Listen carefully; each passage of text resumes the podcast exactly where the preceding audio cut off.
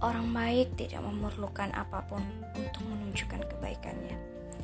Sedangkan yang berpura-pura baik akan menggunakan segala cara untuk membangun citra bahwa dirinya baik.